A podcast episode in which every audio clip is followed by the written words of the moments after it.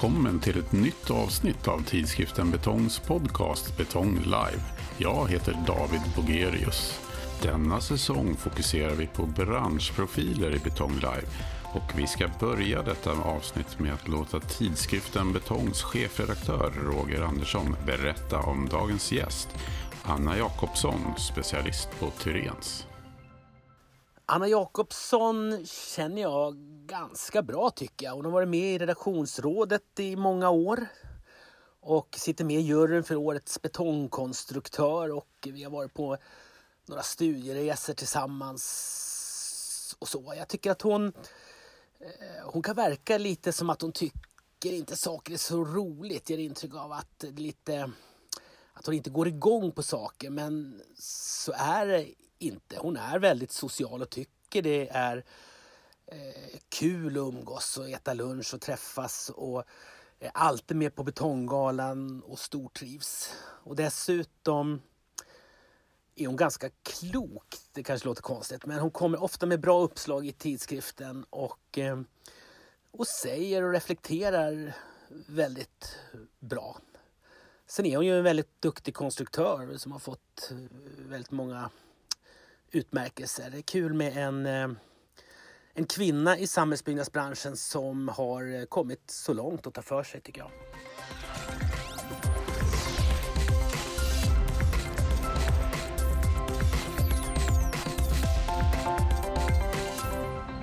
Då säger jag välkommen Anna Jakobsson till, tackar, tackar. till podcasten Betong Live. Hur står det till? Det står till alldeles utmärkt även i dessa konstiga tider. Ja, det kan man ju lugnt säga. Det blir en del eh, möten över Teams och är, man sitter en del vid datorn eh, mer än annars va? Väldigt mycket mer så.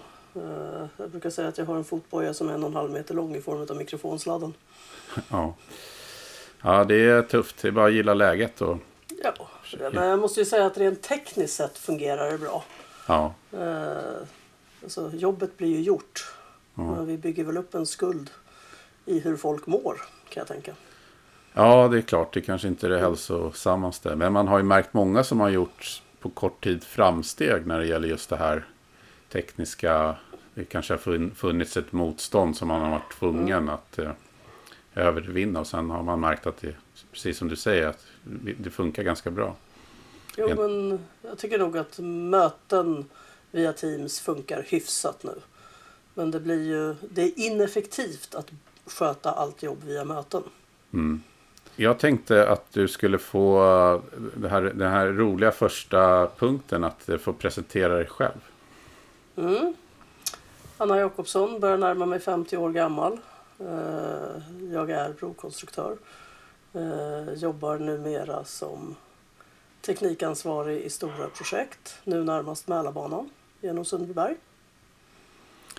Och du har jobbat på Tyrens i snart 20 år, eller hur? Ja, det är drygt 20 år snart. Ja. Eh, började 2001 på ja. hösten.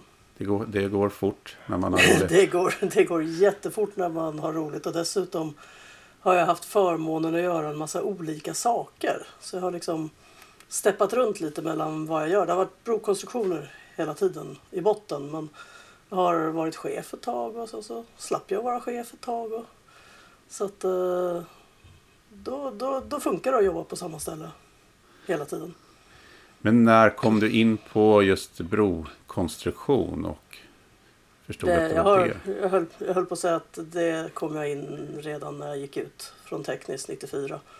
Att det är broar jag vill hålla på med. Ja. Det ska vara så rått och rent som möjligt. Så man får nörda ner sig ordentligt i frågorna. Ja. Så den upptäckten kom på KTH? Ja, den kom på uh, KTH ja. Att, uh, ska man hålla på med rena konstruktioner då, då är det broar man får hålla på med. Ja, det... Du gick ju där eh, i början på 90-talet då som du mm. sa. Eh, hur minns du de åren? Jag tycker nog fortfarande att det är bland det roligaste man har haft. Man får hålla på med hyfsat kvalificerade grejer. För det är det ändå att göra högskolestudier sådär. Men man har samtidigt sjukt roligt med kompisar som håller på med samma sak. Det är liksom första gången i livet man är hårt sorterad på sina egna kompisar så att säga. Alla är tekniknördar oberoende om man håller, går på elektro eller på väg och vatten. Så det Mm. Jag minns med glädje mina teknisår. Var det några eh, människor som du har senare haft mycket kontakt med inom jobbet så att säga? Som du träffade redan där? Väldigt, väldigt lite. Jag har en kollega, vi har följts åt genom åren så att säga. Men eh, annars är det... Eh, jag hade mer mitt kompisgäng på elektro så att eh, jag känner en hel del elektromänniskor fortfarande som jag håller kontakten med. Men inte så mycket på väg och vatten. Mm. Och du har ju jobbat, som jag förstår ganska mycket med att, som kompetenssamordnare. Mm, det har blivit så nu på ja, de sista vad ska vi säga, tio åren drygt.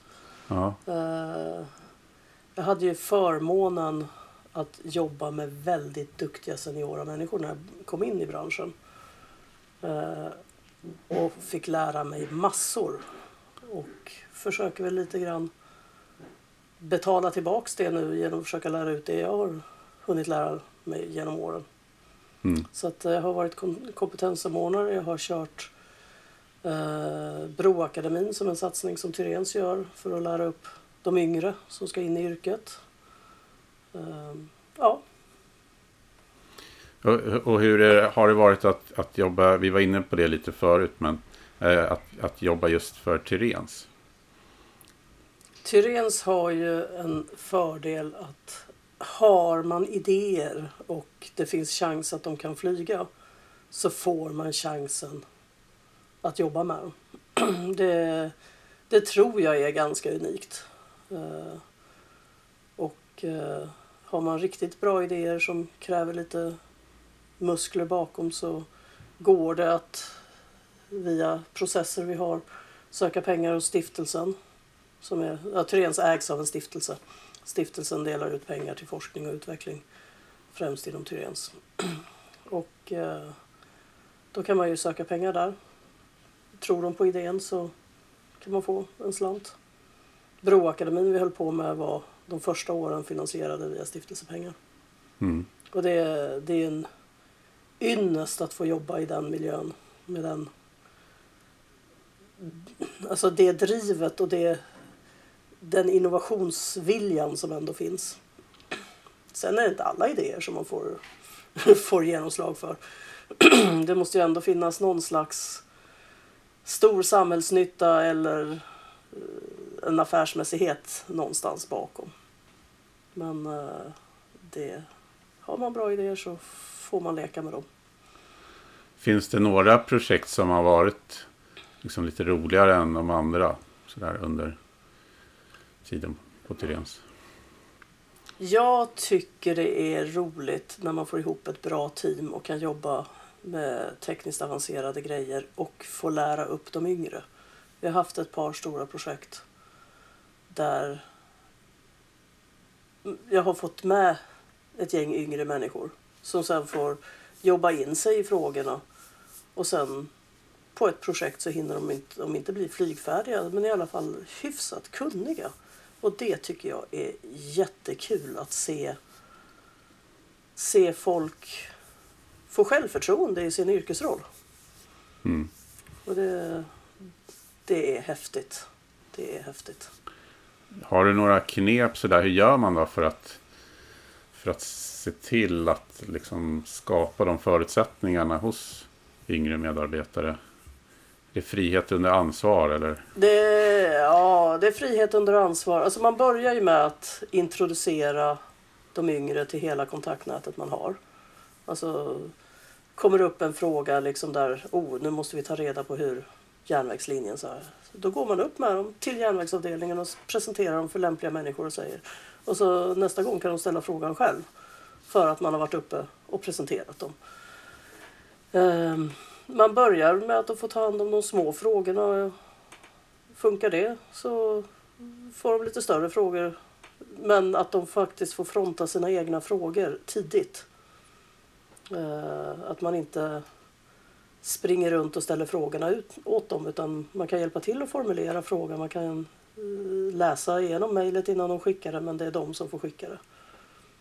Mm. Eh, det, det tycker jag har fungerat. Mm. Eh, det är svårare att göra på distans kan jag säga. Det är jätte, jättesvårt att eh, introducera nya till yrkesrollen på distans. Så vi förlorar ju en generation här på det här. Mm. Likväl som eh, vi gjorde under byggkrisen och sådär så förlorar vi en generation nu känns det som. Ja. Det låter ju ganska allvarligt faktiskt. Ja, förhoppningsvis så kan de väl springa i fatt kan jag tänka. Men eh, jag kom ju ut precis efter byggkrisen så jag är ju liksom första generationen som anställdes. Men det gör ju att mellan mig och pension är det inte jättemånga i branschen som fortfarande är aktiva. Mm.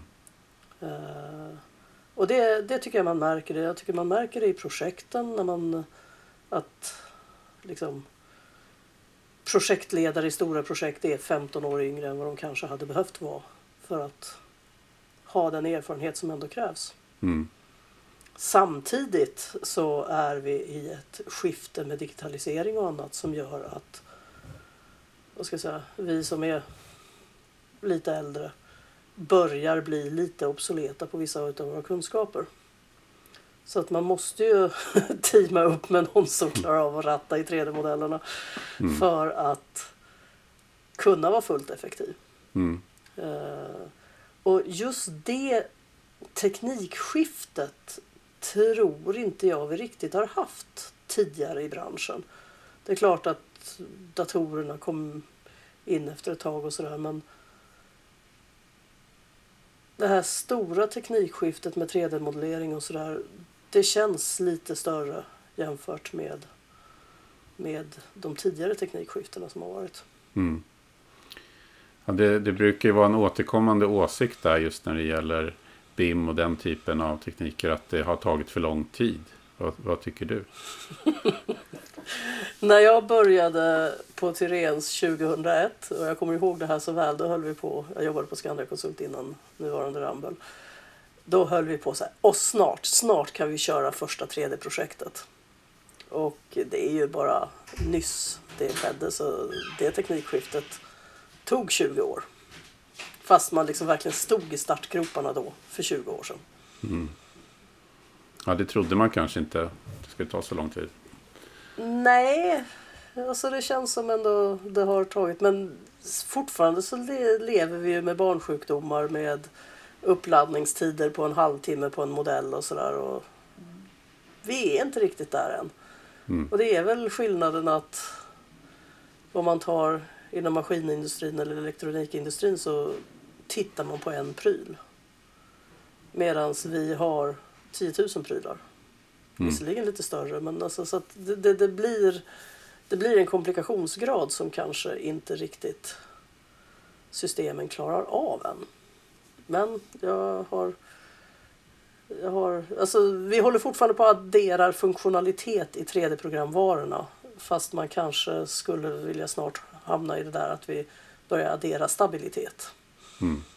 Och det är väl en omognadsgrej kan jag tänka fortfarande. Du blev ju utsedd till årets betongkonstruktör 2013 på Betonggalan. Vad betydde den utmärkelsen?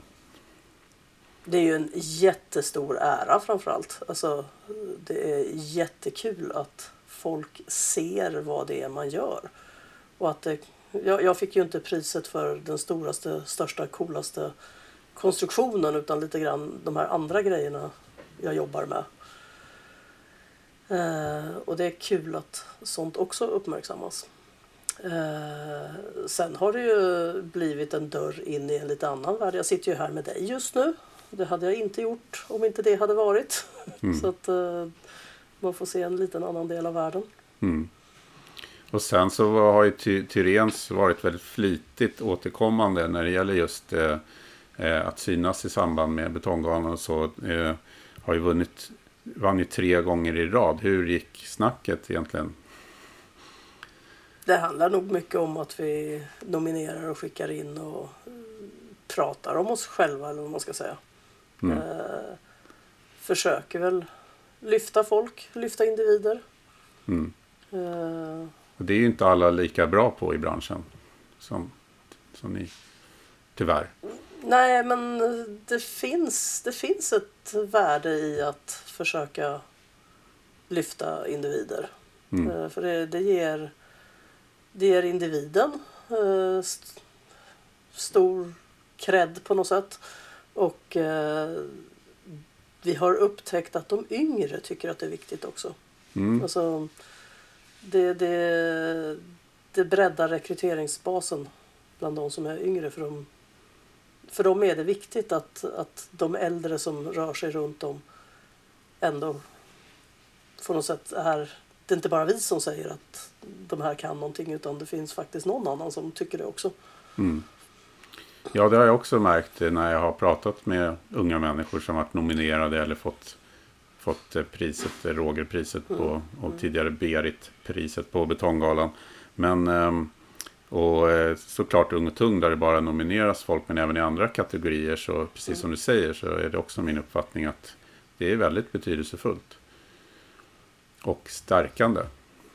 Ja, och man märker ju också på de här som är de här som har varit nominerade för Ung och Tung, alltså de, de växer ju flera meter på det.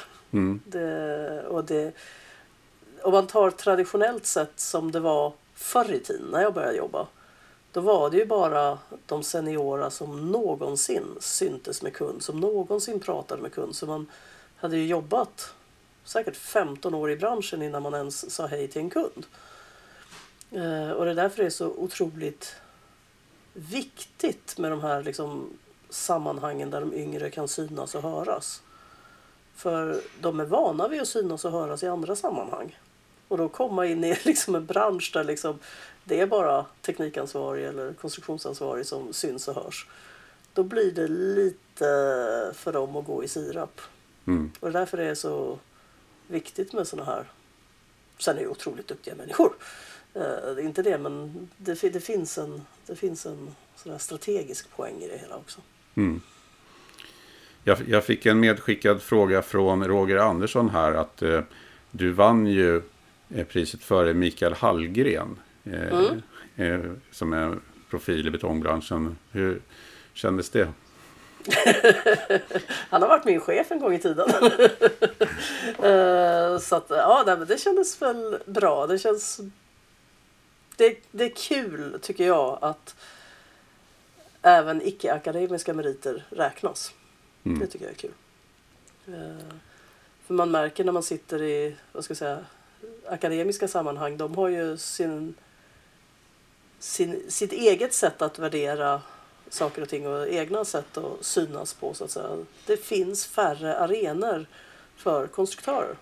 Mm. Därför tycker jag att det är så kul med det tidskriften Betong gör. Ja, och du sitter ju nu i juryn för eh, eh, årets betongkonstruktör. Mm. Har, gjort ett tag. Eh, har det varit svårt att plocka ut vinnarna? Nej, det finns så otroligt mycket duktiga konstruktörer i Sverige. Mm. Eh, Jag kan tänka mig att det ibland blir tufft just av den anledningen att man vill man har flera favoriter. Man har flera favoriter. Eh, de har, har de är åt, som förra året när vi nominerade eh, så hade vi en liten omröstning och det stod ju, det stod ju helt jämnt mellan dem så att det var ju otroligt bra kandidater vi fick på shortlisten den gången. Eh, nej men det gör så mycket spännande saker nu i Betongsverige som inte nödvändigtvis är högst, störst och längst. Eh, men som är tekniskt komplicerat på en massa olika aspekter. Ehm, det, I och med att, ska jag säga, Greenfields är det få och far between på något sätt i Sverige idag. Det, det är inte det att man är ute på en åker och bygger alldeles mola lena utan man är inne och roddar i antingen befintligheter eller i alla fall att miljön runt omkring är befintlig.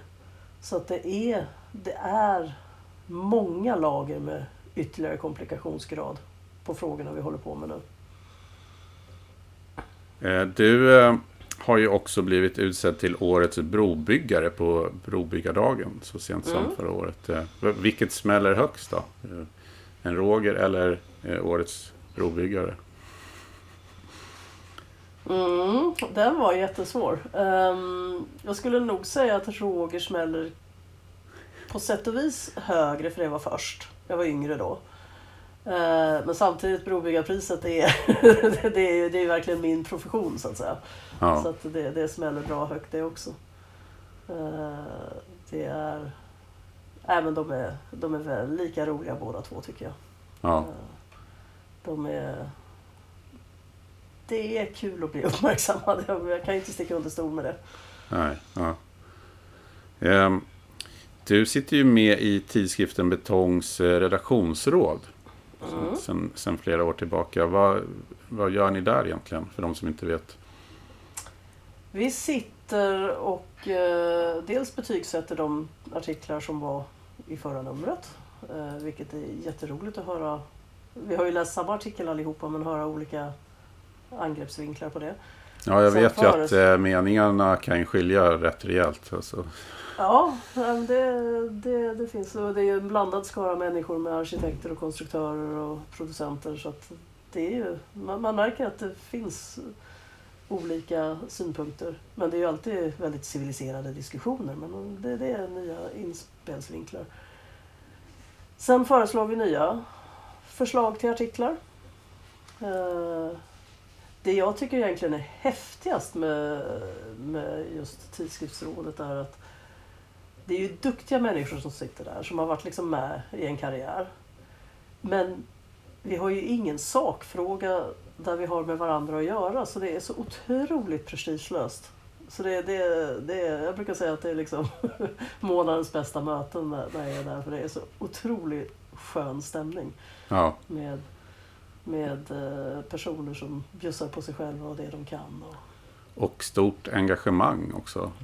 Ju, jättestort engagemang från alla. Så det är, och så är det bra spridning i ålder också. Så det är, det är från de som liksom ja, håller på att runda av sin karriär till de som är mitt uppe i till de som faktiskt är rätt mycket yngre. Så att det är så otroligt skön stämning och kul stämning på de mötena.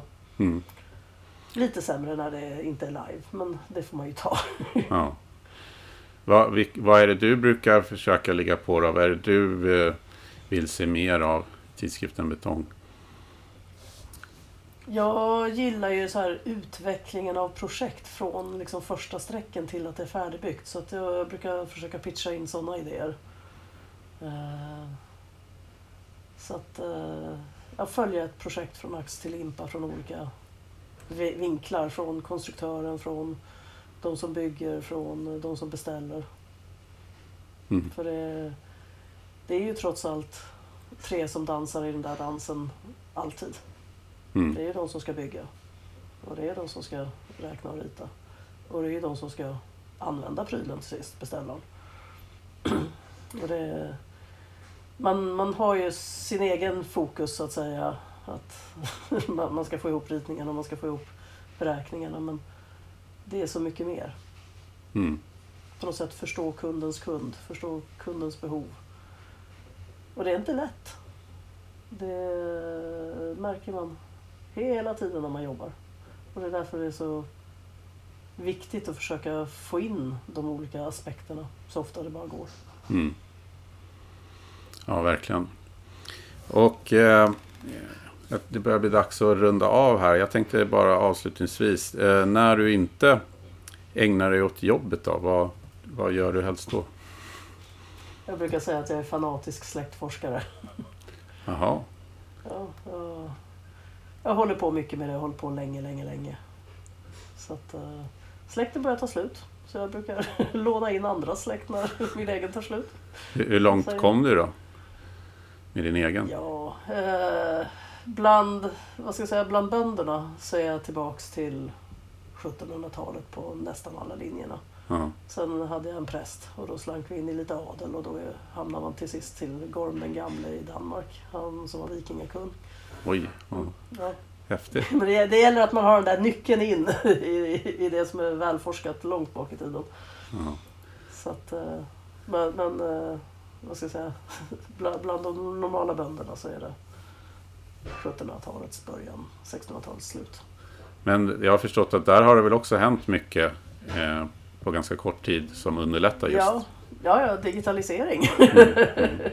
så att när jag, när jag började då fick man åka till Ramsele eller till Leksand och titta på mikrofilmade mikrokort. Och så kunde man komma några döingar till på en sån resa. Och sen kom ju det här att de eh, digitaliserade alla de där mikrokorten så nu kan man sitta hemma vid sin, dator och titta på det.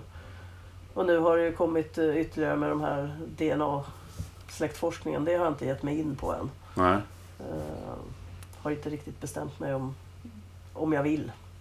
Uh, man fattar ju ett stort beslut för rätt stor del av släkten om man ger sig in i det där. Ja, ja visst. Uh, släpper man ut DNA så har man fattat ett beslut för i alla fall ganska stor del av extended family. Och det vet jag inte om jag gör på egen hand. Även om det kittlar lite att eh, ge sig på det. Det kanske finns några nötter där jag kan knäcka som jag inte har lyckats göra genom traditionell. Det finns en del utomäktenskapliga barn där som jag inte har någon far till. Ja. Mm. Otroligt egentligen. Fascinerande. Ja, Ja, nej men eh, då återstår det bara för mig att eh, tacka dig så mycket Anna Jakobsson Mm. för att du ville vara med i Betong Live-podden. tackar. tackar. Ja, men kul att vara med. Och tack till dig som har lyssnat. Jag heter David Bogerius och Betong Live är snart tillbaka med ett nytt avsnitt och en ny intressant branschprofil. Vi hörs!